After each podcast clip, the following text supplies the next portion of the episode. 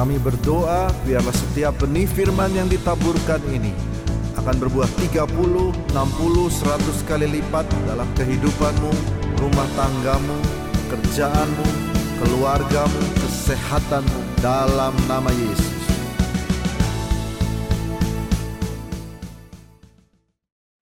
Shalom Bapak Ibu. Sebuah anugerah saya ada di tempat ini. Nama saya Rubin Ong. Terakhir datang sudah cukup lama. Ya, saya bersahabat baik dengan Pastor Albert. Ya, walaupun agak lama juga nggak ketemu beliau. Jadi ini satu anugerah untuk ada di tengah-tengah saudara. Nah, yang siap mendengar firman, mari katakan amin. Saya ingin sharing buat Bapak Ibu, nggak menggurui, nggak sok tahu, nggak rasa pendeta paling pinter bukan ya. Saya nggak mau datang dengan hati seperti itu. Tapi izinkan saya berbagi tentang satu prinsip namanya bahwa Tuhan itu adalah Tuhan yang membuat semua hal jadi baru. Buat Tuhan gak ada yang baru karena Tuhan sempurna kan. Ini yang baru buat kita ya, all new things. Nah kita coba lihat uh, Yesaya pasal 43, coba kita uh, ini dia firman yang ada di Yesaya 43 ayat 18 sampai 21. Yesaya adalah salah satu nabi selain Yeremia yang hidup di mana Israel lagi mengalami tawanan oleh bangsa yang waktu itu bangsa lagi hebat lah ya. Itu imperium paling besar namanya adalah bangsa Sinear atau Babilonia. Ya, kalau sekarang petanya mungkin ada di Irak bagian selatan. Ya, nah ini bangsa ini adalah bangsa yang memang kebesarannya begitu luar biasa. Ya, nah tapi begini Bapak Ibu, Waktu kemudian mereka dalam tawanan, ya orang berkata masa sih ini bangsa pilihan kok ditawan. Ya, berapa lama mereka ditawan di Babelonia? 70 tahun. Ya, 70 tahun lama akibat mereka memberontak. Ya, circle-nya uh, itu tuh, lingkarannya Israel kan begitu tuh. Bertobat, diberkati, lupa diri, kemudian menyembah berhala, kemudian dihukum, mereka menjerit, berseru pada Tuhan, nanti diberkati lagi. Ya itu tuh, circle-nya begitu. Jatuh bangun, jatuh bangun begitu. Ya itu yang terjadi terus. Ya kayak kekristenan sekarang begitu kan. Ya menderita, datang ke Tuhan, begitu diberkati lupa, nanti bertobat lagi, ya menderita bertobat dan kemudian begitu terus. Tapi ini firman menurut saya adalah firman yang 2700 tahun yang lalu atau 700 tahun sebelum Yesus lahir sebagai manusia diberitakan. Nah berharap ini menjadi sebuah pesan profetik untuk ke depan ini Bapak Ibu ya. Firmannya ini firman Tuhan. Janganlah ingat-ingat hal-hal yang dahulu. Dan janganlah perhatikan hal-hal yang dari zaman purbakala. Lihat saya suka kata itu. Behold, perhatikan, lihat. Ya, aku hendak membuat sesuatu yang apa Bapak Ibu? Yang baru, yang sekarang sudah tumbuh. Belumkah kamu mengetahuinya? Ya, aku hendak membuat jalan di padang gurun dan sungai-sungai di padang belantara. Ini ayat aneh banget. Nanti saya akan jelaskan. Ibadah pagi saya mengambil dari tema ini, tapi saya nggak membahas soal jalan di padang gurun dan sungai di padang belantara. Nah, Binatang hutan akan memuliakan aku, serigala dan burung unta, sebab aku telah membuat air memancar di padang gurun dan sungai-sungai di padang belantara untuk memberi minum umat pilihanku. Baca sama-sama yuk ayat yang ke-21, 23. Umat yang telah kubentuk bagiku akan memberitakan kemasyuranku. Yang setuju katakan? Nah, kalau Bapak Ibu lihat ayat 20, orang bisa tafsirkan begini. Ya ini lawatan, memang betul. Ya ini kan kalau binatang hutan dan kemudian apa namanya serigala dan burung onta ini adalah orang-orang yang kalau saya boleh uh, apa sih namanya tafsirkan ini orang-orang yang keras semua, yang wild, yang liar. Tapi memang sekarang sedang terjadi. Ya, saya tidak bisa sebutkan negara-negara yang kelihatannya sepertinya kekristenan nggak bisa masuk. Bayangkan sekarang ribuan orang bertobat tiap hari. Ya, saya tidak usah jelaskan negara mana, tapi memang aneh. Sekarang lagi terjadi. Makanya saya ingatkan ya, Jangan bangga, wah suku Kristen dari lama sudah Kristen. Yang hati-hati begini, yang terdahulu jadi terkemudian. Yang terkemudian jadi terdahulu. Saya dengar satu jaringan, saya tidak usah sebutkan namanya juga, karena tidak penting Bapak Ibu ya. ya mereka cerita ke saya. Mereka sampai berkata, nggak mungkin. Puluhan ribu orang bertobat kenal Tuhan. Dan mereka dibaptis. Ya, saya dengar ini roh saya melonjak. Kan saya orang misi, saya biasa turun di lapangan. Saya melonjak luar biasa. Oh iyalah senang. Saya tuh paling senang kalau dengar orang belum kenal Tuhan, kenal Tuhan bertobat. Itu kesukaan saya cuman itu saja. Ya, kerinduan hati saya cuman itu, saya nggak rindu yang lain. Saya tidak rindu apa rumah gede, tidak rindu punya jet pribadi. Ya kalau Tuhan nanti satu kali kasih itu boleh lah ya. Tapi ya Pak Petri saja yang punya ya, saya pinjam aja nanti. Nah maksudnya saya tidak rindu yang begituan. Kerinduan saya cuma satu, lihat orang dipulihkan kembali ke Tuhan dan hidupnya benar. Itu saja kerinduan saya. Tapi begitu mendengar bayangkan orang susah, daerah yang keras, daerah yang tidak mungkin Tuhan melawat kalau kita berpikir logika. Tapi eh Tuhan melawat loh. Tapi begitu saya berkata, wow dahsyat. Di satu sisi saya kayak saya kayak, kayak saya dipukul Tuhan, ditampar saja. Enggak lah, ini bahasa kiasan saja. Saya tidak mau dipukul Tuhan, mati saya dipukul Tuhan. Tidak usah pukul lah. Tuhan cuma ber, berembus saya, huh, udah kita habis kan. Nah ini bahasa kiasan saja. Karena begini, Ya dalam hati nih, dalam hati. Tuhan berkata begini, lu diam, saya gerak, siapa lu? Kalau boleh saya beritahu ya, Bapak Ibu boleh diam silahkan. Tapi Tuhan gerak, siapa kita? Loh, kalau kita tidak mau Tuhan pilih orang lain kok. Makanya tidak usah merasa apa. Saya juga kalau dapat pelayanan, itu anugerah. Yang lebih pinter banyak. Asli. Yang lebih jago banyak. Iyalah. Tapi kan begini, pertanyaannya mau enggak? Tuhan tidak cari orang mampu. Karena nggak ada yang mampu. Orang tanya Pak Rubin mampu. Enggak lah. Masa mampu? Yalah, pergi ke pedalaman pernah. Damaikan dua suku berperang. Di mana orang makan orang. Ya, kuasa kegelapan manifestasinya luar biasa. Orang bisa jalan di daun. Mereka teriak tiba-tiba peluru bisa rontok bayangkan. Ya nggak mampu lah. Gimana mampu dengan kekuatan manusia? Tapi Tuhan cari orang yang mau dan masuknya nggak main-main. Itu bisa berjam-jam masuk ke dalam naik mobil. Ya, tapi kan memang Tuhan nggak cari orang mampu. Kayak orang saya nggak, kayak, kayak saya seperti nggak mampu. Oh saya mau khotbah saja nggak mampu kok. Cuman saya berkata Tuhan aku mau dipakai. Ya mau Tuhan. Udah kita nggak mampu, tapi Tuhan mampu. Amin. Nah ini dia. Nah ini prinsipnya. Tanpa tanpa Tuhan kita nggak mampu. Tapi tanpa kita Tuhan tidak mau. Oke saya ulangi lagi. Tanpa Tuhan kita nggak mampu. Saya nggak mampu tanpa Tuhan. Tapi ternyata tanpa saya Tuhan nggak mau. Hebat ya.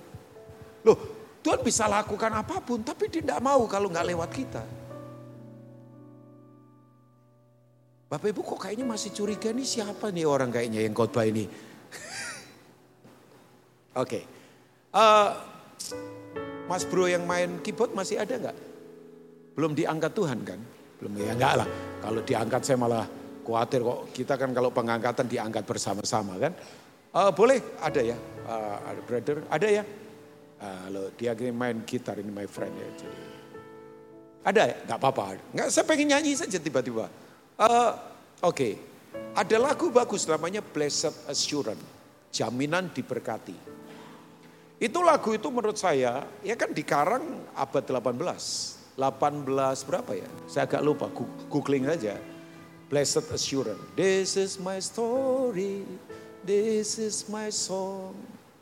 Eh, suara saya lumayan lama ya. Ya bolehlah kalau ada produser tertarik. Ya tapi udah angkatan lama pasti generasi milenial nggak suka suara model begini ya. Nah lagu ini judulnya Blessed Assurance. Tahu nggak yang ngarang lagu ini adalah seorang wanita. Ya, tapi wanita ini buta. Buta. Kenapa buta? Salah operasi. Gak lahir buta. Jadi waktu kecil dia sakit mata. Kemudian ternyata operasi salah. Akhirnya dua-duanya buta. Bayangkan, gak pergi ke mana-mana. Dan orang hina dia, ngapain kamu hidup? Katanya kamu punya Tuhan yang hebat. Mana? Kamu buta loh. Mau ngapain kamu? Tapi tahu nggak, sepanjang hidupnya. Saya punya teman musisi banyak. Salah satunya adalah Aminoto Kosin, my friend. Ya dia orkestranya jago lah. Keluaran uh, lulusan Berkeley, doktor musik.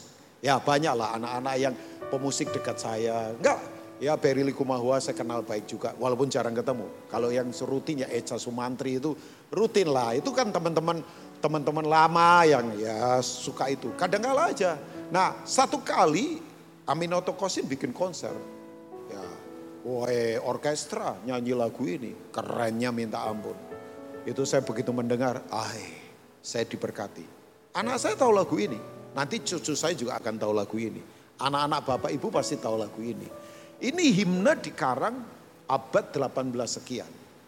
Dan orang ini seumur hidupnya itu karang himne tahu nggak Bapak Ibu? Ya, yang lain yang terkenal itu di jalannya ku diiringnya. Itu biasanya kalau orang mau mau penghiburan orang mati ibadah salah satu lagu itu favorit sekali itu untuk orang diiring ke jalan Tuhan. Ya. Nah dia seumur hidupnya itu ngarang lagu, nyiptain lagu, nggak terlalu banyak, hanya 8000 himne. Imagine kan? Dan banyak kan memberkati. Miliatan orang disentuh. Orang buta nggak ke mana-mana, tapi lagunya mendunia. Sementara maafkan saya, banyak orang matanya melihat, tapi buta. Banyak orang punya tangan, tapi nggak punya tangan. Banyak orang nggak punya tangan, tapi punya tangan. Banyak orang punya kaki, tapi belum tentu punya kaki. Banyak orang tidak punya kaki mungkin, cacat, tapi dia punya kaki. Itu dua kata berbeda. Ya, iya kan? Ada orang punya tangan, tapi namparin orang. Ada orang nggak punya tangan mungkin, tapi hidupnya memberkati. Ya ada siapa sih? Nix, Fuji, siapa itu? Ya itu ya. Ada itu motivator hebat kan. Anak Tuhan itu. Ya Nick siapa lupa ya. Fuji Fik apa apa. Ya, ya, ya. Dipakai Tuhan. Nah orang ini meninggal di usia 80 sekian. Pencipta himne ini. Namanya adalah Fanny Crosby. Googling aja Bapak Ibu. Saya ngomong gak sembarangan ngomong. Coba bayangkan. Jadi kemudian saya sadar, oh iya iya. Nah saya ingin mengajak kita Bapak Ibu. Bahwa ini dia. Tuhan sedang melakukan sesuatu. Tapi di ayat 18 Tuhan bilang begini. Kamu jangan terpenjara masa lalu. Masa lalu ada dua kan either satu, kegagalan, kekecewaan. Saya nggak tahu sementara sharing ini ada yang lagi kecewa, harapan tidak terjadi, mimpi nggak menjadi kenyataan. Itu bisa jadi penjara. Makanya tadi di ibadah pertama saya sudah bilang, penjara yang paling hebat bukan di Nusa Kambangan. Penjara paling menakutkan bukan di Alcatraz. Alcatraz itu untuk penjahat-penjahat kelas kaliber itu. Tapi penjara paling luar biasa adalah ketika orang kelihatannya nggak terpenjara, tapi hidupnya terpenjara takut, kepahitan, sombong. Makanya saya suka berpikir kasihan ya, orang jam tangannya mahal-mahal, tapi nggak punya waktu, cuman punya jam tangan. Berdoa nggak pernah, makan sama keluarga nggak bisa. Punya jam, tapi nggak punya waktu. Maka udahlah nggak usah pamer-pamer jam, biasa saja. Punya waktu nggak? Ada orang pakai Rolex terkini, Richard Mille terkini, Hublot terkini, Patek Philip terkini. Tapi nggak punya waktu. Ada orang suplemennya banyak, tapi nggak sehat pikirannya. Ada orang spring bednya keluaran King Coil terbaru, tapi nggak bisa tidur. Ada orang bisa around the world, keliling dunia, tapi pulang ke rumah nggak bisa karena ribut terus di rumah. Sih? Ya buat saya nggak ada artinya itu penjara. Nah saya berharap di Cijantung nggak begitu. Ya makanya Tuhan berkata kamu jangan ingat yang lalu-lalu sudah. Jadi kalau ada yang pernah gagal please. Orang tanya Pak Rubin sering gagal. Saya ini sarjana kegagalan. Enggak, gagal biasa saja. Biasalah. Enggak, maksud saya begini. Gagal lah kita gagal sering lah Pak. Tapi kan jangan sampai kita terpenjara di situ. Loh, Papa saya jatuh usaha. Saya anak nomor satu dari delapan bersaudara, adik saya tujuh. Saya harus biayai sekolah dengan bekerja. Saya ngelatih drum, saya jadi kuli di pasar bertahun-tahun. Gak apa-apa, yang penting kan gak mengemis. Saya paling gak suka minta orang, apalagi jilat orang. Jangan suka jilat orang, asin rasanya. Kalau terlalu banyak asin darah tinggi pasti. Nah, nah, nah, nah. Tapi bayangkan, kaki ini, kaki ini, anugerah Tuhan. Saya ngomong anugerah Tuhan. Hampir ke banyak bangsa saya mendarat untuk pelayanan. Gak keluar uang sendiri dipanggil. Tiba-tiba ada orang panggil di North America, Toronto, Vancouver. Saya tanya, kamu panggil saya kenapa? Saya tidak ukur berkat harus pergi ke luar negeri. Pergi ke desa pun itu berkat. Saya tanya, kamu bisa panggil saya kenapa? Tiba-tiba mereka ngomong begini, kita lagi berdoa menyiapkan retreat. Siapa pembicaranya? Tuhan bicara, Rubin Ong diundang. Padahal mereka nggak kenal saya. Saya tidak promosi lewat Instagram, lewat apa? Udahlah, saya punya Instagram cuma mau ngontrol anak saya ngapain. Asli pak, saya nggak tahu posting IG story, nggak tahu. Teman-teman saya nggak tahu saya di Cijantung loh. Kecuali ada yang posting tiba-tiba kenal sama teman saya ya.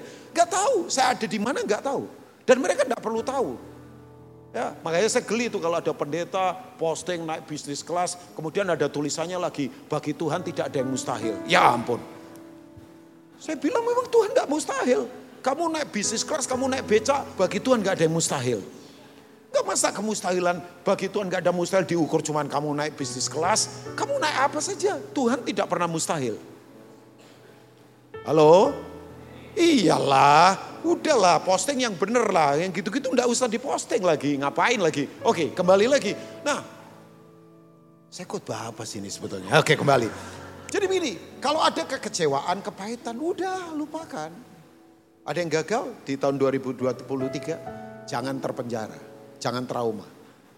Setan paling suka mengintimidasi kita. Intimidasi membuat jiwa terpecah. Orang kalau jiwanya pecah itu sesak nafasnya dicekik. Tahu nggak coronavirus itu membuat orang ketakutan makanya nafasnya habis. Orang mati bukan karena virusnya, orang mati karena ketakutan, isolasi. Loh, masih ingat gak sekian tahun yang lalu? Itu orang ketakutan di mana-mana. Nah itu Bapak Ibu. Ketakutan itu selalu mengintimidasi, memenjara kita, mencekik kita sampai kita nggak bisa bernafas lega. Padahal kan Tuhan katakan dalam Tuhan ada kemerdekaan. Amin. Dalam Tuhan ada kemerdekaan. Yang setuju katakan amin. Dalam Kristus ada kemerdekaan. Jangan mau dipenjara.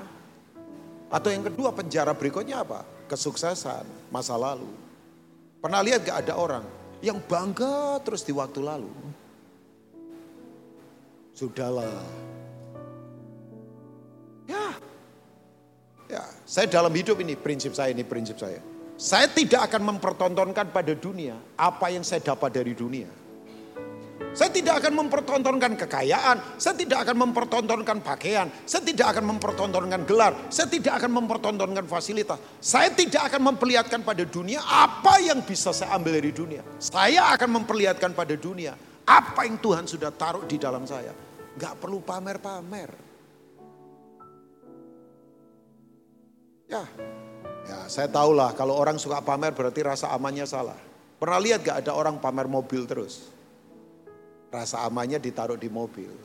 Mobil bisa meledak, mobil bisa keserempet pak.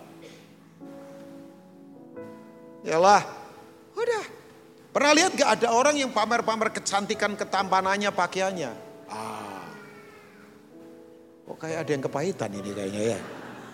Enggak lah, enggak lah, bercanda saja bu. Enggak perlu, enggak perlu. Makanya tadi saya katakan, saya tidak akan mempertontonkan pada dunia apa yang saya ambil dari dunia. Saya akan memperlihatkan pada dunia apa yang Tuhan sudah taruh di dalam saya. Apa yang Tuhan sudah taruh kasihnya. Apa yang sudah Tuhan taruh hikmatnya. Apa yang sudah Tuhan taruh dalam saya urapannya. Perlihatkan itu pada dunia. Kalau ada orang yang di tengah penderitaan bisa berani berkata I am happy. Salah satunya orang itu adalah Ibu Teresa. Majalah Time menobatkan dia menjadi pahlawan abad 21. Siapa dia? Bukan presiden pak, ibu. Wanita biasa cenderung membungku. Saya masih ingat waktu Lady Di, Di. Ya, Lady Di, Di. Lady Di, Di. Waktu Putri Diana meninggal, seorang putri Seluruh dunia menangisin karena kehilangan hati putri tiga bulan lamanya. Saya nggak setuju perselingkuhannya, tapi kan kasihan. Lihat saja di film Crown judulnya. Netflix punya film, kasihan sih dia. Karena nggak dicintai suaminya kan. Ya suaminya punya first love.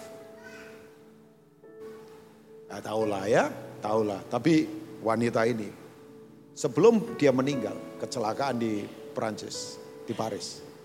Saya ada di underpass itu, di mana dia tabrakan. Teman saya bilang begini, di sini pastor, putri itu meninggal. Dia perlambat kendaraannya. Saya bilang, bro udah nggak usah dilambat-lambat. Nanti bisa ditabrak orang dari belakang kan gak enak juga. Ya kan? Nggak, saya bilang udah jalan. Oh iya saya tahu di situ. Ya dia tertabrak itu. Dunia meratapi tiga bulan lamanya. Karena saya senangnya begini, sebelum dia meninggal, dia jadi utusannya PBB kan. Untuk datangi orang yang kena AIDS, datangi orang yang kena HIV, datangi orang yang sakit ya kan. Tiga bulan dunia menangis.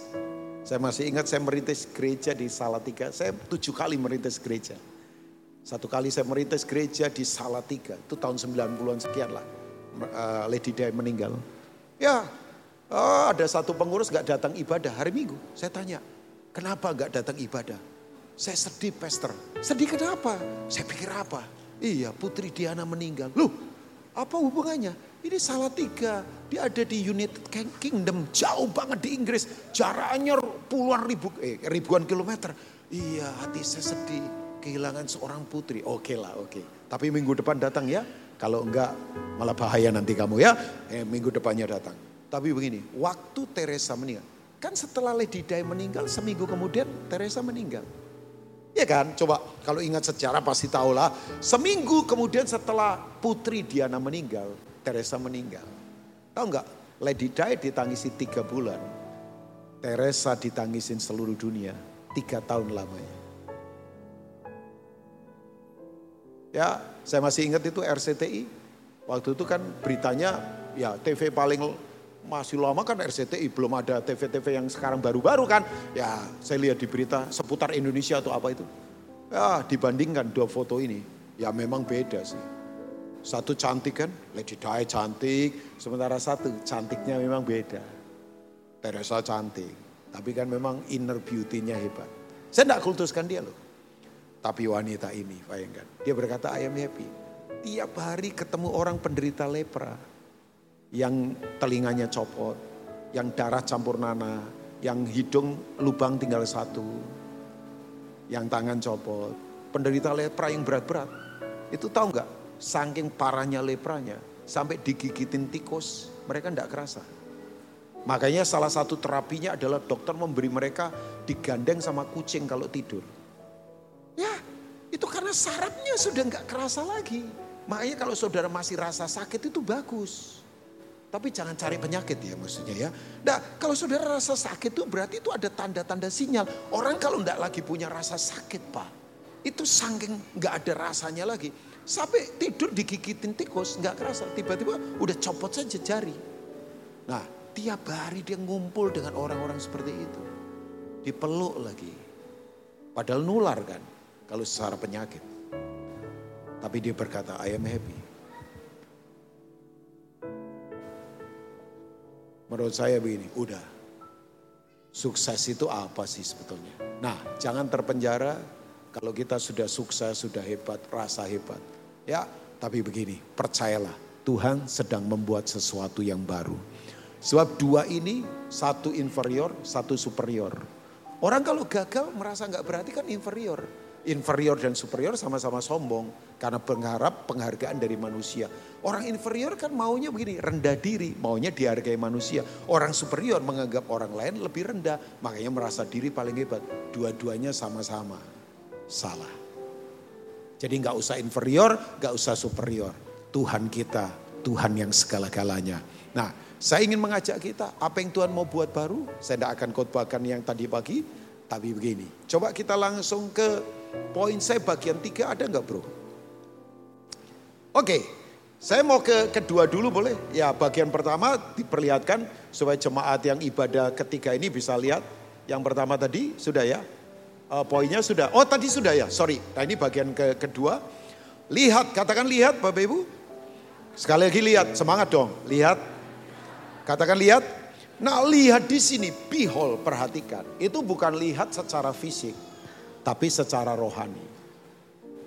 Ya, Pak, jangan sulit-sulit lah. Secara rohani itu begini, mata rohani kita harus dipertajam. Caranya bagaimana?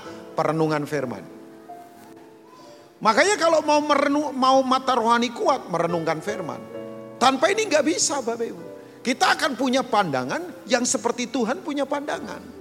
Saya punya bahasa terbatas, tapi saya sungguh-sungguh yakin Roh Kudus akan terjemahkan. Ini doanya Paulus. Tahu Bapak Ibu, Paulus itu siapa? Paulus itu anggota Sanhedrin. Paulus itu siapa? Hafal Taurat. Paulus itu siapa? Pinter banget secara teologi ya. Mungkin dia doktor teologi ya. Tapi dia berkata, semua nothing. Makanya dia berkata, mataku perlu diterobosi. Makanya ciri atau apa? Bukan ciri ya. Dia mengalami pertobatan adalah begini, mata jasmaninya perlu dibuat buta dulu di Damsik. Ya kan? Ini orang pinter, dia pakai sudut pandang mata jasmani. Biasanya kan begitu, orang suka pakai kekuatan matanya sendiri. Padahal begini, mata kita terbatas. Kita ini ada di ruangan begini saja, saya terbatas. Saya cuma bisa melihat sekian meter saja. Satu kilo di sini saya nggak tahu apa yang terjadi. Di rumah saya sekarang saya nggak tahu istri saya sedang apa, karena terbatas. Tapi yang namanya mata rohani tidak terbatas. Dan ini yang berkata adalah seorang ahli teologi, doktor teologi, seorang anggota Sanhedrin, kelompok elit, orang-orang yang itu menafsirkan Alkitab, penentu undang-undang sipil dan agama. Dia berkata begini nih, ayat, eh, ayat 18, Efesus 1 ayat 18. Dan supaya ia menjadikan mata hatimu terang, agar kamu mengerti. Katakan mengerti Bapak Ibu. Mengerti menggunakan kata Yunani siniemo Not talking about knowledge. Bukan. But talking about revelation. Ini bicara tentang pewahyuan. Bukan sekedar tahu.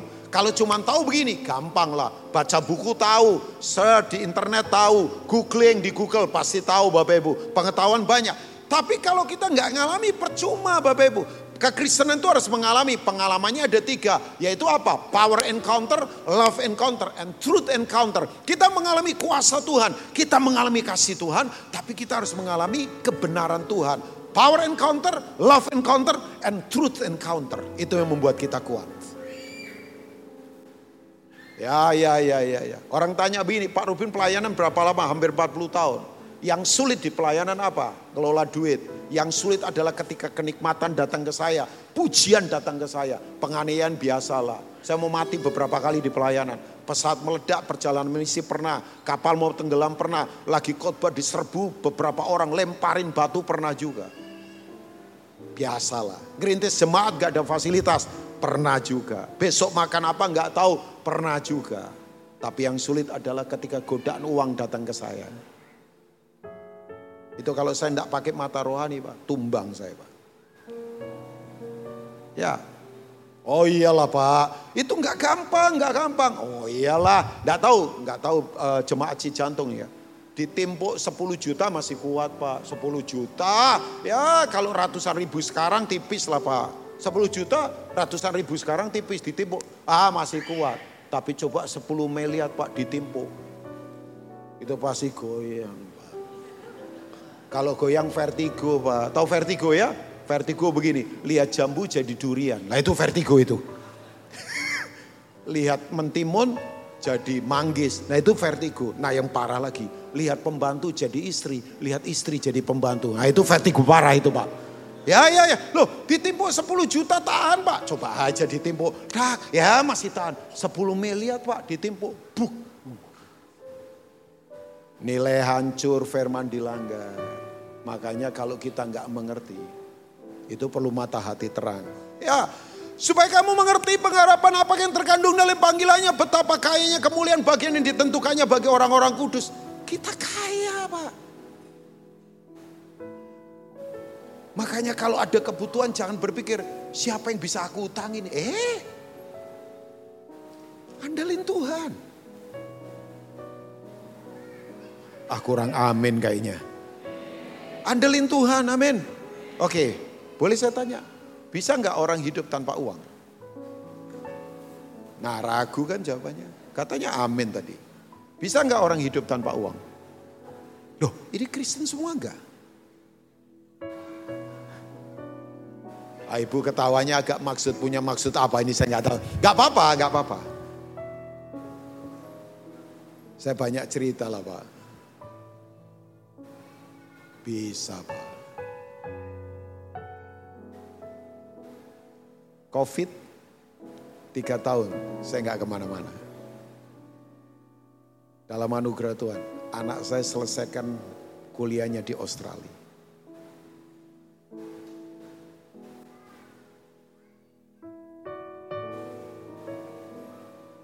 Saya punya rumah, gak pakai modal. Saya lagi di Vietnam. Tiba-tiba Tuhan selesaikan semua dengan cara ajaib. Oh masih banyak Pak. Ya yang nggak percaya silahkan. Saya ngalami. Makanya saya berani berkata, Tuhan dahsyat. Ada waktu saya sebentar harus selesai. Dan betapa hebat kuasanya bagi kita yang percaya. Sesuai dengan kekuatan kuasanya. Yang dikerjakannya di dalam Kristus dengan membangkitkan dia dari antara orang mati. Mendudukan dia di sebelah kanannya di sorga. Coba begini, minta sebelum masuk 2024, mata rohani diterangi. Saya tadi ibu sudah bilang, tahun depan saya punya visi see the Lord, melihat Tuhan. Tadi ada pencipta lagu saya bilang, mas bikin lagu soal melihat Tuhan.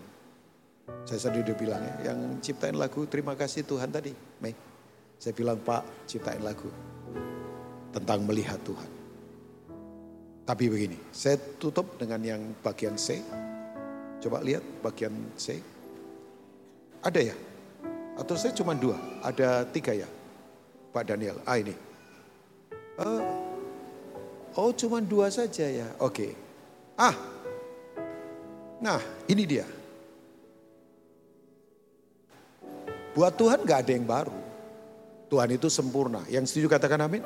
Tapi ini Tuhan akan mengerjakan hal yang baru buat kita. Nah selesai sudah, eh, sedikit saja, sebentar ini selesai. Tuhan itu akan membuat jalan di padang gurun.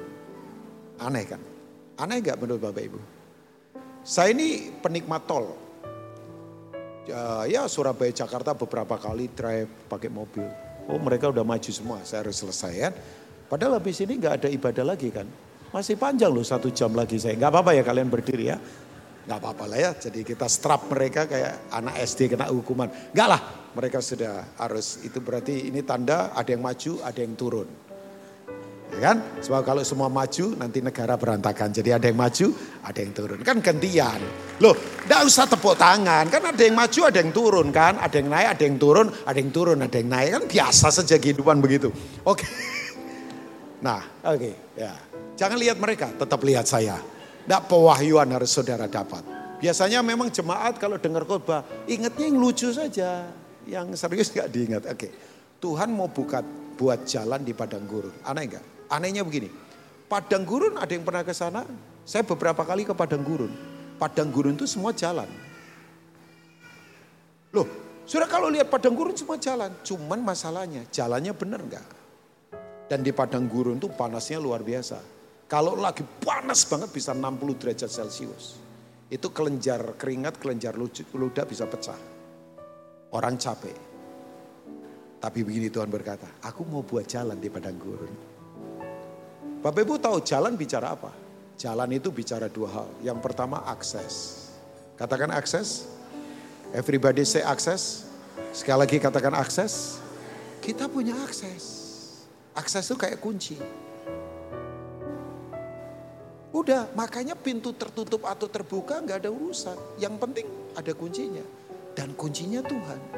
Makanya kalau ada pintu tertutup nggak usah marah. Yang pegang kunci. Mungkin Tuhan tutup karena Tuhan mau bukakan pintu yang lebih baik daripada pintu yang kita ingini. Nah itu, tepuk tanganlah untuk itu. Jadi kalau ada Bapak Ibu yang punya planning gagal, gak usah marah. Karena Tuhan punya planning lebih bagus dari planning kita.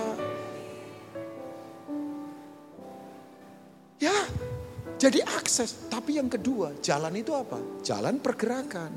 Gak berhenti. Terus bergerak. Gak ada kematian. Movement. Bukan monumen. Monumen tunggu peringatan. Selesai sudah. Tapi Tuhan mau kita bergerak.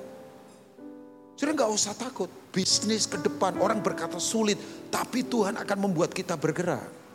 Pekerjaan akan membuat Tuhan akan bikin kita bergerak. Saya punya teman semua retail lagi pada tutup. Ya saya nggak usah sebutkan. Ini teman saya malah lagi ekspansi ke Jawa. Dia sudah punya 16 tempat. Nggak terlalu gede sih. Tiap hari penghasilan kotor hampir 20 miliar. Dia ekspansi sekarang. Semuanya lagi tutup. Dan dia saya lihat diberkatinya luar biasa. Tapi dia tahu untuk apa? Ya tahu untuk apalah pelayanan misi terus. Tiap hari kasih makan gratis di tujuh kota. Liburkan pendeta setahun dua kali untuk liburan ke Bali minimal 100 orang gratis. Naik pesawat tinggal di hotel kasih makan minum kasih uang saku. Itu pelayanan kedua. Belum yang lainnya ada 7-8 pelayanan yang dia lakukan. Terus bergerak. Tapi yang kedua Tuhan akan bikin sungai-sungai di padang belantara. Sungai bicara apa? Kesegaran. Stream, aliran. Gak usah takut, akan ada kesegaran ilahi. Amin. Yang sekarang lagi tawar hati akan ada kesegaran. Makanya dilarang cemberut. Jangan cemberut kayak kuda belum tumbuh gigi. Jangan cemberut, bersuka cita. Halo, jemaat JCC Jantung, bersuka cita. The joy of the Lord is our strength. Sukacita dari Tuhan, itu kekuatan kita. Orang kalau sukacita, hormonnya sehat. Makanya saya suka bercanda, bercanda saja. Jangan seperti ini. Tahu enggak orang gila, covid, jarang yang mati. Ketawa terus. Makan di tong sampah sehat loh. Tidur di jalanan nggak pernah masuk angin. Pernah nggak ketemu orang gila pergi ke kios dan berkata, Bu beli tolak angin, kenapa? Masuk angin. Gak ada. Kerikan nggak pernah.